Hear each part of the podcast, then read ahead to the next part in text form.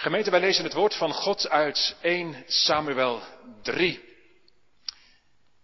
Ik heb voor dit Bijbelgedeelte gekozen en voor het thema dat erbij genoemd wordt, goed om te horen, mede omdat verschillende clubs, de tienerclub ook meerdere keren daarmee bezig zal zijn dit seizoen. Het is aangereikt door de hervormd gereformeerde jeugdbond. Wij lezen samen uit 1 Samuel en daarvan het derde hoofdstuk. En ik noem het meteen maar. Extra mooi om altijd te bedenken dat de zondagschool ook deze naam draagt, hè? Samuel. Ik neem aan dat jullie allemaal weten wat die naam betekent. Samuel betekent God hoort. God hoort. De Heere luistert. 1 Samuel 3. Daar klinkt het woord van God. En de jonge Samuel diende de Heere onder toezicht van Eli.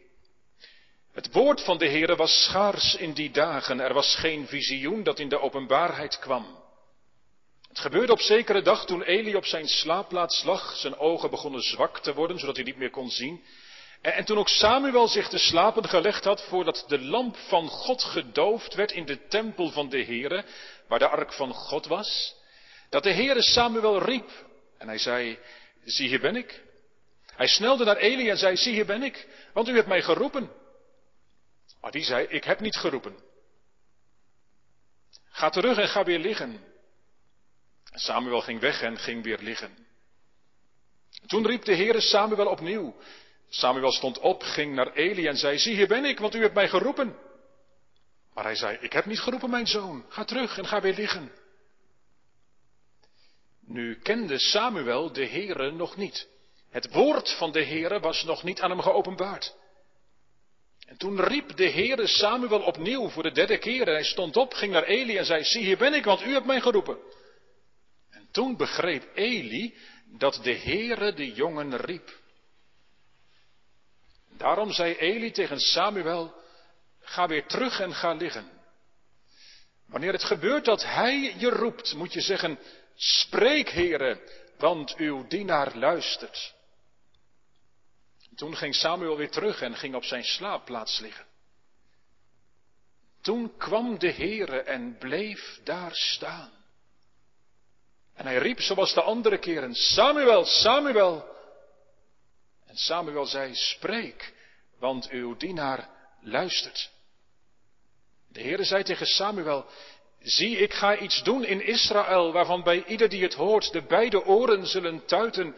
Op die dag zal ik over Eli alles gestand doen wat ik tegen zijn huis gesproken heb, van het begin tot het einde. Want ik heb hem bekendgemaakt dat ik over zijn huis voor eeuwig gericht zal oefenen, omwille van de ongerechtigheid die hij geweten heeft. Want toen zijn zonen zich vervloekt gemaakt hebben, heeft hij hen niet eens zuur aangekeken. En daarom heb ik het huis van Eli gezworen, de ongerechtigheid van het huis van Eli zal in eeuwigheid niet verzoend worden door slachtoffer of door graanoffer. Samuel nu bleef tot aan de morgen liggen. En toen deed hij de deuren van het huis van de Heere open. Samuel was bevreesd om dit visioen aan Eli te vertellen. En toen riep Eli Samuel en zei, mijn zoon Samuel. Hij zei, zie hier ben ik. En hij zei, wat is het woord dat God tot je gesproken heeft? Houd het toch niet voor mij verborgen.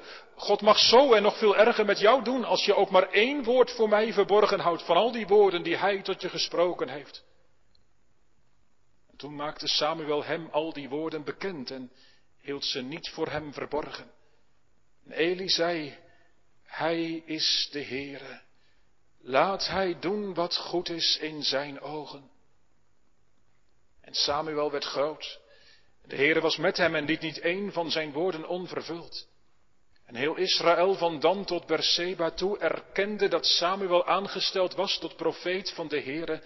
En de Heere bleef in Silo verschijnen. Ja, de Heere openbaarde zich aan Samuel in Silo door het woord van de Heere. Tot zover de lezing van de schriften. Gemeente, het woord van God ligt voor ons open in 1 Samuel 3. Kern voor de verkondiging is vanuit het geheel van vers 1 tot en met vers 10 vooral, waarbij ik met name wijs op wat twee keer klinkt, eerst uit de mond van Eli in vers 9 En daarna uit de mond van Samuel, spreek, spreek, Heere, want uw dienaar luistert. Gemeente van de Heer Jezus Christus. Meisjes, jongens, als je thuis meekijkt of hier in de kerk bent gekomen. Na vandaag en trouwens vandaag eigenlijk al vanmiddag op de zondagschool begon het eigenlijk weer. Gelukkig. Nadat heel veel stil kwam te liggen in dit voorjaar door de coronacrisis, mocht de zondagschool vandaag weer beginnen en, en mogen de clubs weer starten deze week, volgende week. En, en elke keer gaat dan de Bijbel open. De Bijbel open. Soms wordt er een Bijbelverhaal verteld, op school natuurlijk ook. En, en trouwens hier ook in de kerk, hè, als je in de kerk mag komen of als je thuis meekijkt, dan hoor je vanuit de Bijbel. En, en natuurlijk je vader of je moeder, die, die leest voor uit de Bijbel. Of, of misschien lees jij zelf elke avond al een stukje. En weet je, elke keer als er uit de Bijbel wordt verteld, of als er uit de Bijbel wordt gelezen, bedenk jij dat? Elke keer is de Heere God tegen jou aan het praten. Ja. En je kunt hem niet zien, hè? En, en, je kunt ook niet letterlijk zijn stem horen. Dat, niet zo van dat je opeens een stem vanuit de hemel hoort. Zo niet, zo niet. Maar, maar toch legt hij contact. En, en je moet wel leren om naar hem te luisteren. Eerlijk is eerlijk. Dat wel. Denk maar aan Samuel, we hebben het er al over gelezen en ik kom er straks nog op terug, maar je kent die geschiedenis natuurlijk wel. Samuel, die had het eerst helemaal niet in de gaten, dat de Heere God hem riep. Pas, pas na een poosje, toen hij geholpen werd, ook door Eli, toen, toen kwam hij erachter. En um, jongeren, naar God luisteren, dat is um, goed om te horen. Goed om te horen. Nee, nee, begrijp me goed. Niet altijd fijn om te horen. Ook niet altijd leuk om te horen. Ik vind het niet altijd leuk wat ik in de Bijbel lees. Ik word er ook niet altijd blij van wat ik in de Bijbel hoor. Maar, het is wel goed, weet je waarom? Omdat God goed is. Misschien denk je nu, ah dominee, dat is snel gezegd hoor, zo vanaf de kansel. Drie woorden. God is goed. Maar, ja, ik snap wat je bedoelt. Maar, en, en toch, en toch, en toch. God is goed. Weet je waarom? Omdat, omdat God in zichzelf goed is en, en hij, laat, hij laat zijn hart zien in wat hij tegen ons zegt en, en doet boven alles in de Heer Jezus. Ik kom er nog wel op. Hoe klonk het aan het begin van deze dienst? Hoor, zegt God, en je ziel, dat wat nooit kan sterven, je ziel zal leven. Gemeente, de Samuel-boeken volgen historisch gezien op de tijd van de richters. En als je het boek van de richteren leest, daar word je meestal niet vrolijk van. Hoe sluit dat boekje af, de laatste tekst van dat Bijbelboek? In die dagen was er geen koning in Israël. Ieder deed wat juist was in zijn eigen ogen. Nou, me dunkt. Iedereen deed gewoon waar hij zich goed bij voelde. Geen regels, geen recht, zeg maar gewoon chaos. Onrecht voerde de toon. En in ons teksthoofdstuk gaat het dan over Eli. Eli, een oude man, we plaatsen hem ook maar in het rijtje van de richters. Hij was ook een, een priester. Maar, maar wat, blijkt de situatie verworden in zijn dagen? We hebben dat nou niet gelezen, maar als je je ogen er een beetje over laat gaan, hoofdstuk 1 en hoofdstuk 2, dan, dan zie je dat wel terug. En trouwens ook hoofdstuk 4 en hoofdstuk 5. Zijn zonen, die zonen van Eli, die de priesterdienst moesten vervullen, die in de tempel dienden, die jongens blijken openlijk van de zonde te genieten. Juist daar waar God het centrum van zijn dienst wilde hebben, de tempel. Er staat in hoofdstuk 2, vers 17, de zonde van deze jonge mannen was zeer groot voor het aangezicht van de Heer. Ze verachten de offerdienst en um, ze gebruikten de ruimten van de tempel om hun seksuele lusten bot te vieren op vrouwen die daar in grote getalen kwamen. Verschrikkelijk. Als je de dienst van God misbruikt voor de zonde, voor je eigen genot. Zo is de situatie. Goddeloos tot in de tempel toe. Gemeente, u merkt dat de Bijbel heel eerlijk is, hè? De Bijbel, de Heere God, die, eh, die stelt het niet mooier voor dan het is. Zelfs de priesters van de tempel met hun mooie woorden. Ze leven in het wilde weg, zonder God en, en zonder gebod. Het zou zomaar kunnen, u die thuis meeluistert en die zegt, nou, ik kom nog even niet in de kerk, ik kan thuis anoniem luisteren, nou dat mag hoor, dat mag. Maar het zou zomaar kunnen dat u net zulke ervaringen hebt met kerkmensen als wat hier staat over die zonen van Eli. Dat u zegt, eh, mooie woorden spreken ze, die gasten daar in de kerk. Ja, mooie woorden. Maar als je ze door de week tegenkomt, gemeente verschrikkelijk als dat onze uitstraling is. Als wij de eer van God te grabbel gooien met ons zondige leven. En dat hoeft dan helemaal niet in uitspattingen natuurlijk, hè, zoals bij, eh, bij die zonen van Eli.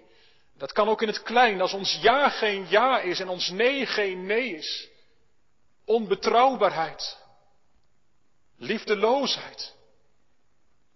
Gemeente, bedenk dan wel dat het huis van Eli, in alle ernst gemeente, met zijn goddeloze zonen, dat het door Gods oordeelswoord wordt getroffen.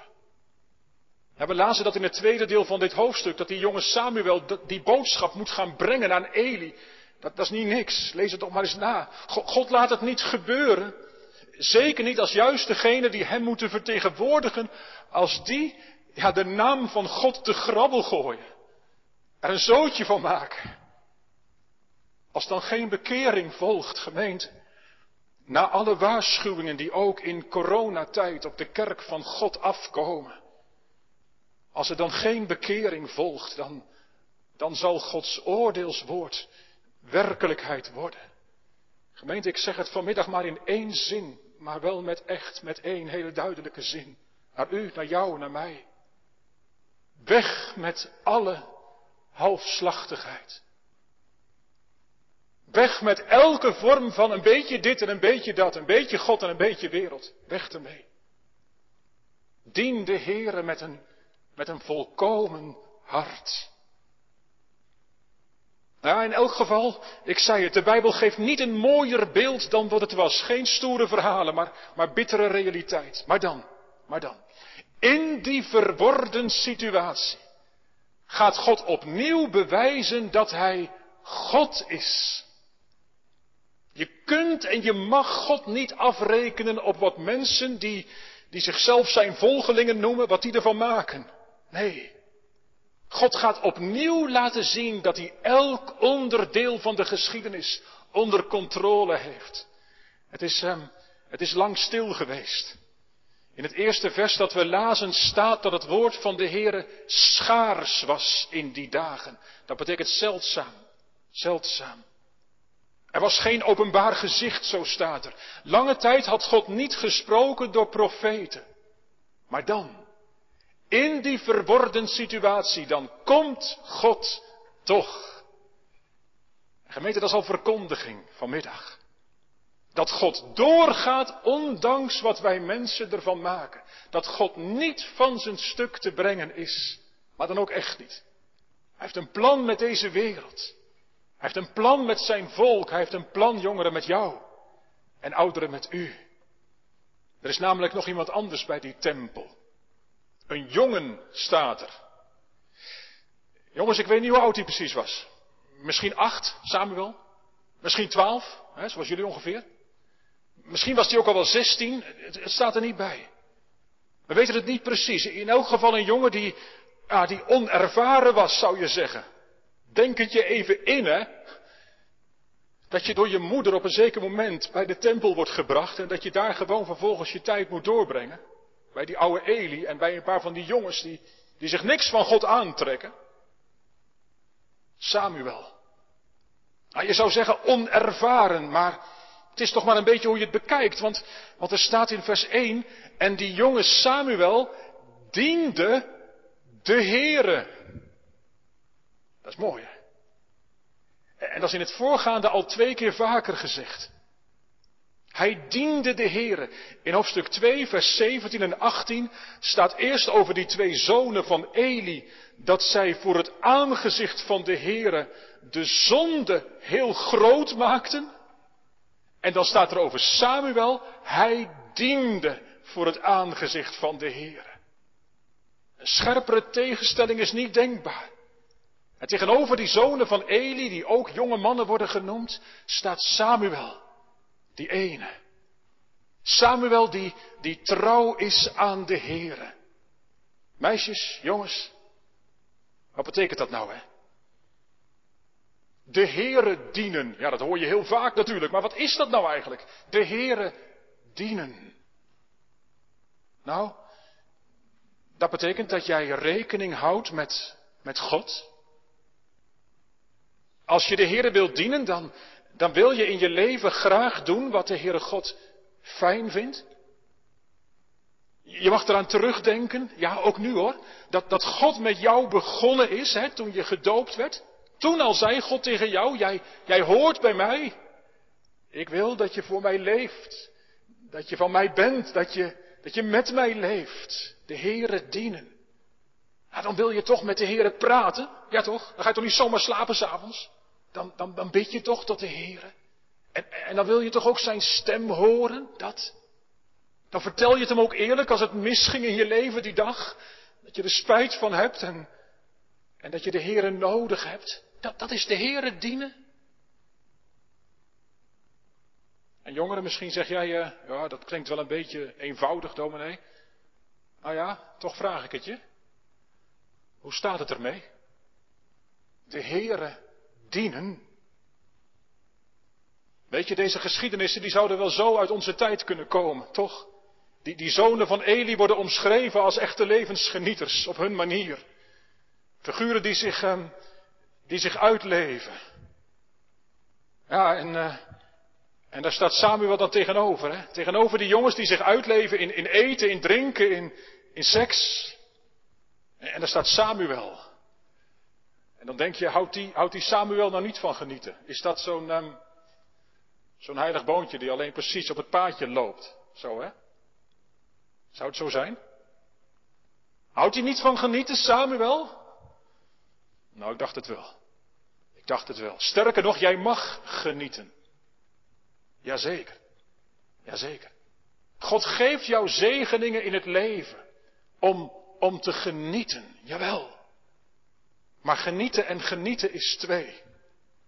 Genieten van de zonde staat haaks op een leven met de Heer.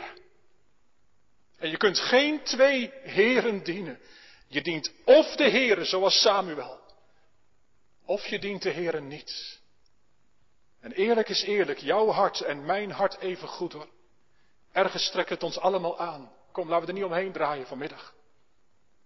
Het wordt je in de schoot geworpen, ook die hele, die hele vrije seksuele moraal waar het hier ook over gaat. En in onze dagen is het niet anders. En, en, dat gaan voor het hier en nu, hè, de druk die jij ook voelt hè, in je studie of in je werk, dat je zegt, ja maar ik moet dat toch wel voor elkaar krijgen. En, en, en we moeten het toch ook ergens wel maken hier. En, en, en, dat moet je rond hebben voordat je dat kunt doen. En ach, alsof je werk, je studie belangrijker is dan je ziel. Kom. En dan de ziel van uw kinderen. Jongeren, hoor, in, in de brieven van Johannes staat het zo. De wereld gaat voorbij met haar begeerte. Maar wie de wil van God doet, blijft tot in eeuwigheid. Ik moet bij die tekst altijd denken aan die jongen van 17. Hij moest van zijn ouders mee naar een bijbelstudiekamp. Ja, als je 17 bent en als je ouders zeggen dat moet, dan zul je nog moeten. Nou ja, hij moest mee. Vijf dagen lang elke morgen een Bijbelstudie. Ik zat in de leiding van dat groepje. Maandag, dinsdag, woensdag, donderdag. En die jongen zei niks. Hij had al zijn Bijbeltje wel bij zich, maar hoofd naar beneden, echt niks. Vier dagen lang. En op de vrijdag kwam het Bijbelgedeelte aan bod waar deze tekst in staat. De wereld gaat voorbij met haar begeerte, maar wie de wil van God doet, blijft tot in eeuwigheid. En nog steeds zei die jongen niks. Maar je zag hem af en toe wel opeens even kijken zo. En je zag dat hij luisterde. En vlak voor de slotavond, voor de vrijdagavond, kwam hij naar mij toe. Hij zegt, mag ik vanavond wat zeggen? Ik denk, oh oh, wat gaat hij zeggen? Ik zei, ja oké, mag. Hij stond voor de groep s'avonds. En toen noemde hij die Bijbeltekst. Hij zei, hij zegt, ik, ik, weet heel veel niet, zegt hij, en, en heel veel snap ik ook niet. Maar één ding weet ik wel. De wereld gaat voorbij met haar begeerte. Maar wie de wil van God doet, blijft tot in eeuwigheid. En een paar jaar later was die jongen in Afrika bezig met, uh, met vluchtelingen. En ik weet niet precies hoe het daarna verder met hem gegaan is, maar, maar hij heeft de Heeren leren kennen. Jonge mensen, echt. Dit is de werkelijkheid van God, hè. Het kennen van Hem. Wat men in de wereld genieten noemt, is een zeebel die uiteindelijk uit elkaar spat. Kom, dat heb je ook gezien afgelopen tijd. En toen sport en spel stil kwam te liggen. En tal van mensen zeiden, wat moeten we nou doen het hele weekend? Ja, dan hou je niks over. Dan hou je niks over. Waardoor word je dan vastgehouden? De Heer Jezus zegt, zoek eerst het koninkrijk van God.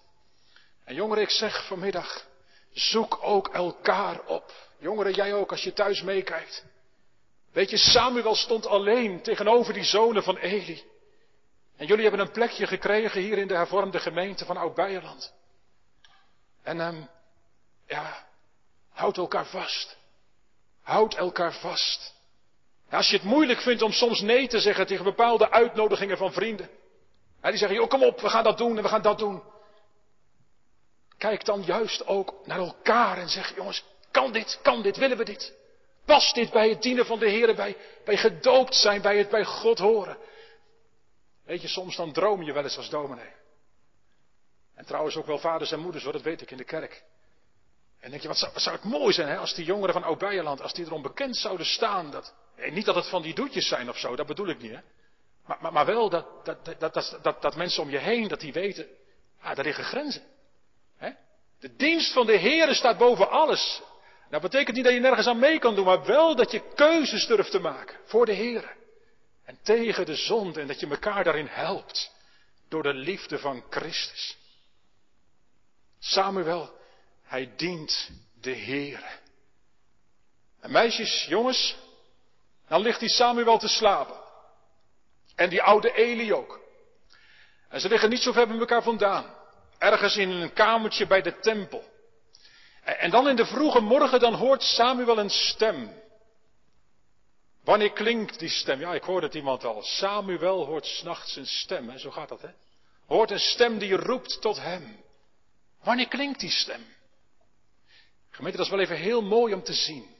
In het derde vers staat, voordat de lamp van God gedoofd werd in de tempel van de Heer. De lamp van God. Dat is de lamp die brandde in de tabernakel en later in de tempel. Die lamp moest s'nachts altijd branden. U weet wel, zo'n zo'n olielampje. En, en, na een lange nacht, dan s'morgens, dan, dan ging die lamp uit. En, en kijk, s'morgens vroeg, voordat die lamp uitgaat, zo staat hier, hoort Samuel die stem. Even over doordenken. Want de Bijbelschrijver zegt dit natuurlijk niet voor niets. Hè? Voordat de lamp van God uitging. Gemeente, het licht lijkt uit te gaan. Daarin in Israël. Het loopt fout. Steeds verder raakt het volk van God bij God vandaan. Zou God zich terug gaan trekken? Zou God het licht van zijn genade uit laten doven? Zou het dan echt stikdonker worden? Ja, het oordeel komt over Eli en over zijn nageslacht. En over allen die zich weigeren te bekeren. Maar, Maar tegelijk maakt God een nieuw begin. Juist dan, als het licht uit lijkt te gaan. En gemeente, niet voor niets staat er dan nog iets bij in vers 3. Er staat de tempel van de Heere waar de ark van God was. Op die ark lag het verzoendeksel. Het was de plaats waar vandaan God wilde spreken. Woorden van vrede, woorden van vergeving, woorden van genade. Gemeente, dat is altijd zo, hè?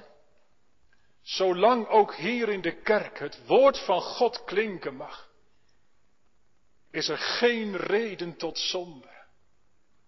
Is er altijd licht.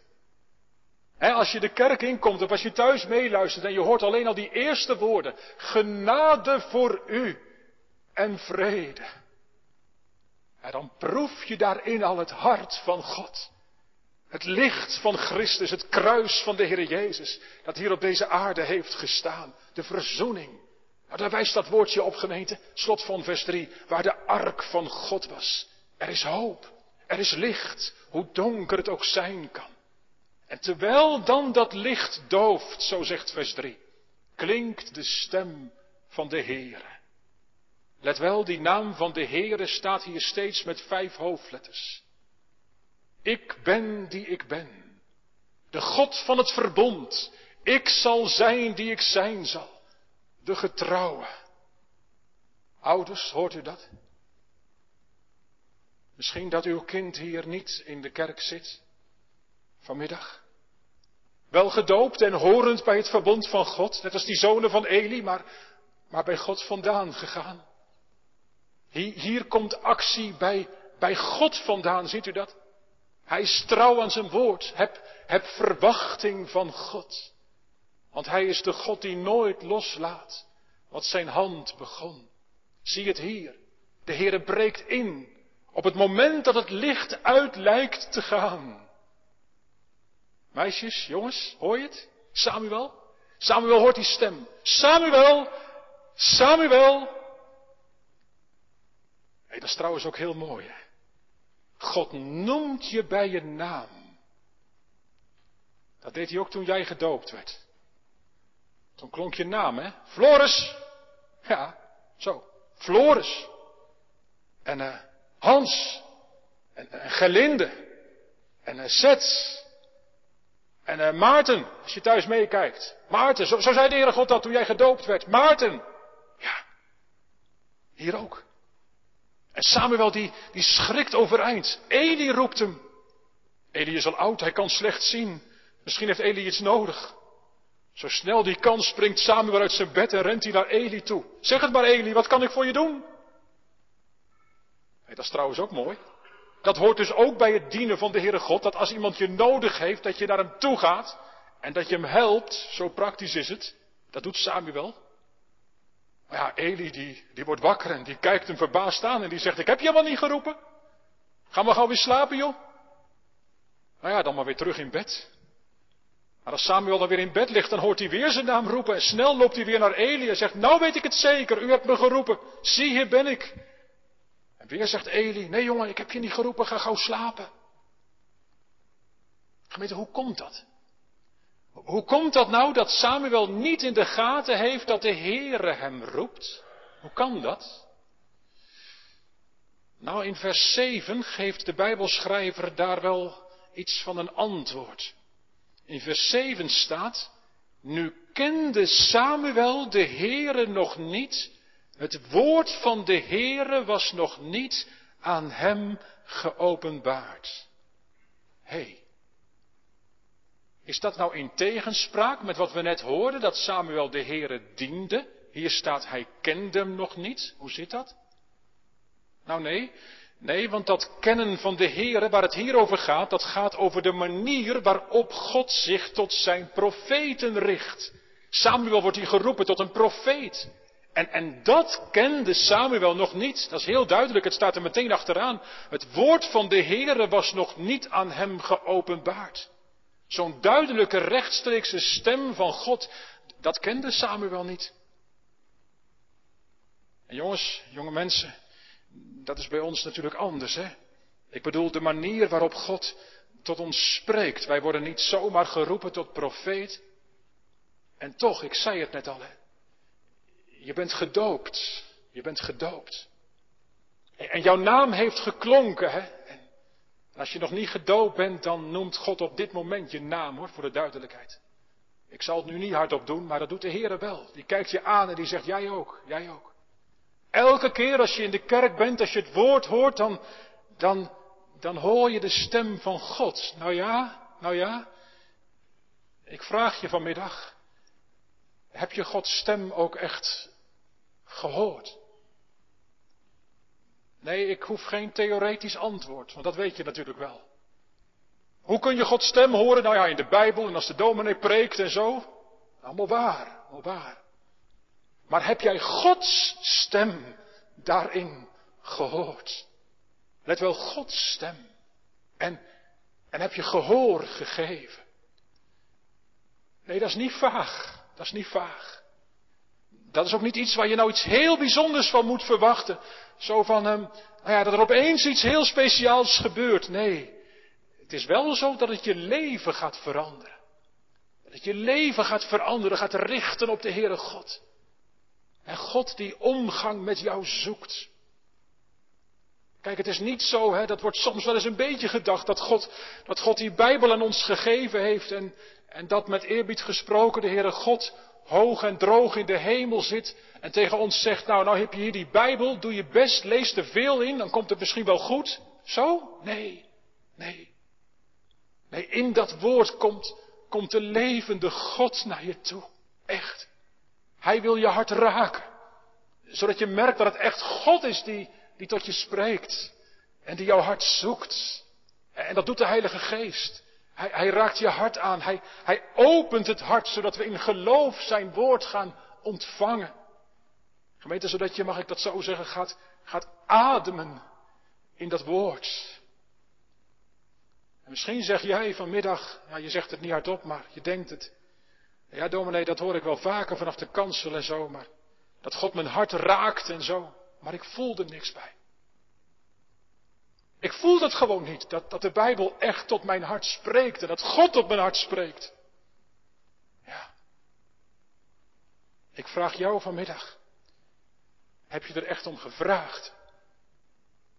Heb je erom gebeden? Kijk, Samuel die diende de Heere, dat staat er een paar keer. En, en daar sprak God. Bedenk goed, het komt je niet aanwaaien. Die Bijbel moet wel open. En jongeren, in alle eerlijkheid, als je met één hand de Bijbel wilt lezen en met de andere hand de zonde vasthoudt en niet radicaal kiest, dan merk je inderdaad niet dat God tot je spreekt. Dan zit er wat tussen. De Heere vraagt een radicale keuze in je leven om, om bij het woord van God te leven. En, en zo raakt de Heere ook je leven aan. De Heere zegt, wie mij vroeg, dat is ernstig zoeken, die zullen mij vinden. En ik moet er nog iets bij zeggen ook. Soms laat God je ook echt wachten. Dat doet de Heere echt. Best wel vaak, denk ik. Dat God je laat wachten. Dat God je beproeft. Dat God kijkt of je vasthoudt aan Hem. En daar wil de Heere God je soms dingen mee leren. Maar wees hier zeker van vanmiddag. Als je je houdt aan het woord van de Heere biddend, Hem op zijn woord gelooft, dan, dan zal Hij je horen. Weet je nog die naam Samuel van de zondagschool? Dat betekent God hoort. God hoort. Ik moest denken bij de voorbereiding, ja toch maar een heel eenvoudig voorbeeld aan een telefoon. Hè? Het ging er nog eentje af, ik weet toch niet van wie, dus je kan het wel zeggen. En uh, als die telefoon dan gaat, dan kun je hem laten rinkelen. Nou, dat deed je net natuurlijk. Gelukkig. Je kunt hem laten rinkelen, je kunt hem laten gaan. Als die telefoon gaat, terwijl God je zoekt. Hè? Hij legt contact. Hij wil zijn boodschap aan je kwijt. Hij wil zichzelf aan je kwijt. En je kunt twee dingen doen. Je kunt hem pakken. Je kunt zeggen, Heere, Spreek. Heere, spreek. Wat wilt u van uzelf laten zien? Wat wilt u, wat wilt u tegen mij zeggen? Of uh, je kunt na de preek zeggen straks van uh, mooie preek of niet zo mooie preken. En weer verder. Nee, zegt de Heer. Nee, zegt de Heer. Zoek En beantwoord mijn contact. Ik zoek je hart, ook vanmiddag. Ik wil mijn liefde aan je kwijt. En jongeren, dat is, eh, dat is echt bloedserieus. Ja, dat zeg ik nog een keer. Dat is bloedserieus. Want zonder Christus ben je verloren. Dan kun je in dit leven even genieten. En natuurlijk ook nog wel een beetje de kerk aan de hand meenemen. Maar, maar dan ben je straks voor eeuwig alles kwijt. Weet je, dat trof mij zo erg. Als je het voor je hebt, moet je eens kijken in vers 10. Hoe dat daar staat. In vers 10a, daar staat. Toen kwam de Heere en bleef daar staan. Bleef daar staan. Moet je even over nadenken, hè? dat gaat over God, onze schepper, die boven alles staat. En nou heeft hij al een paar keer geroepen en Samuel heeft het niet gehoord. En dan staat hier, toen kwam de Heere en bleef daar staan. Vol geduld. Wachten. Samuel, heb je het nog niet in de gaten, joh? Heb je het nog niet in de gaten? Hij bleef daar staan. En dan, eh, ja, weer even terug naar vers 8. Jongens, meiden, dan klinkt voor de derde keer die stem. Samuel, Samuel. En, en dan rent Samuel naar Eli toe. En, en weer zegt Eli, die snapt het niet. En, Samuel zegt, u hebt, u hebt me geroepen. Maar dan staat er iets bij, vers 8. Wat staat er aan het eind van vers 8?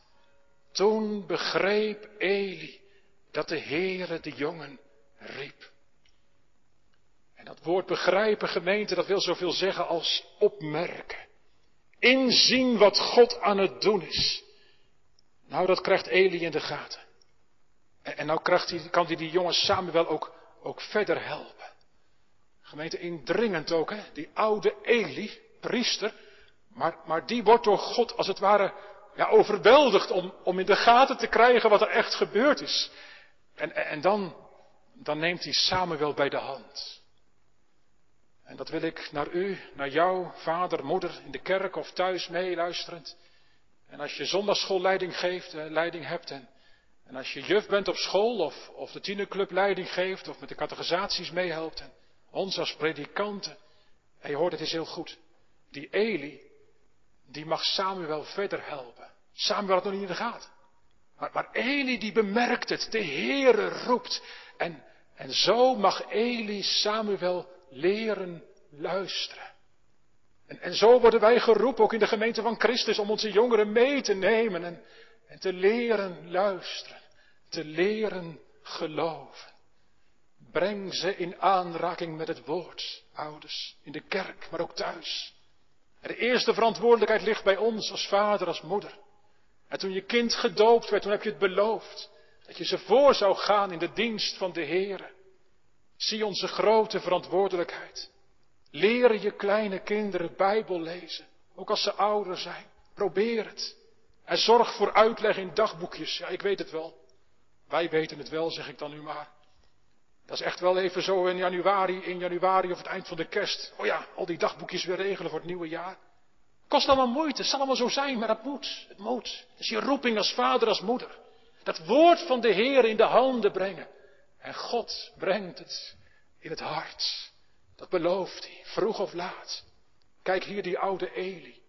Er is zoveel fout in zijn gezin. Misschien zegt u, ach, als ik kijk naar mijn kinderen, kleinkinderen. Nou ja, Eli, zijn eigen zonen. Oh, wat zal het hem hebben aangeklaagd. Maar hier wijst hij Samuel de weg. Samuel, als de Heer je nog een keer roept, joh, dan moet je zeggen, spreek, Heere, uw dienaar luistert. En jongens, meiden in de kerk, of als je thuis meeluistert, die tekst, zullen we die uit ons hoofd leren? Dat is niet zo moeilijk, toch? Oefen het maar thuis. Schrijf hem op een briefje. Spreek, Heere, uw dienaar luistert. En als je dan s'morgens wakker wordt, of als je s'avonds gaat slapen, dan pak je dat briefje en dan bid je dat eerst. Spreek, Heere, uw dienaar luistert. En luisteren, gemeente, ik zei het. Horen, dat is in de Bijbel altijd gehoor geven. Horen, dat staat onder de belofte van God. Hoor en uw ziel zal leven. En gemeente dan nog één stap vanmiddag. Want eh, nou heeft God zijn woord gegeven. En, en ook vanmiddag klinkt zijn stem, ja. Maar, maar heel in het bijzonder klonk die stem van God later nog een keer. Ja, echt een stem uit de hemel. Toen Jezus op aarde was, weet je. En toen klonk, net als bij Samuel, klonk een hoorbare stem vanuit de hemel. Dat was toen de Heer Jezus werd gedoopt. En later nog een keer bij die verheerlijking op de berg. Toen klonk er een stem vanuit de hemel en, en die stemgemeente die echo door hier in Oud-Beijerland. Vandaag, op deze dag, ook in de huiskamers, als u met ons verbonden bent. God sprak, dit is mijn geliefde zoon, in wie ik mijn welbehagen heb. Hoor naar hem. Gemeente, daar klonk die stem vanuit de hemel, met alle schijnwerpers gericht op de Heer Jezus, de zaligmaker van zondaren. Kijk, Samuel, hij diende de Heere. Hij was een dienaar van de Heere. Maar, maar de dienaar, de Heere Jezus Christus, de grote knecht van de Heere, in hem maakte God het nieuwe begin. Kom, waar alles was vastgelopen. Alles, ja toch? Waar wij door onze zonde compleet van God weggeraakt waren. Jezaja zegt een volk dat in duisternis ronddoolt. Maar daar, daar scheen het licht van Gods genade. En die stem die klonk, deze Christus, Jezus mijn Zoon, dit is mijn geliefde, in wie ik mijn welbehagen heb. Hoort hem. Jongere ouderen. Het is zo goed bij de Heere Jezus. Het is zo goed om Zijn stem te horen. Zeg je het mee vanmiddag? Spreek, Heere. Heere Jezus, U bent mijn redder, U bent mijn koning. U hebt het voor het zeggen in mijn leven. Spreek, Heere. Uw dienstknecht, uw dienstmeisje, luistert. Amen.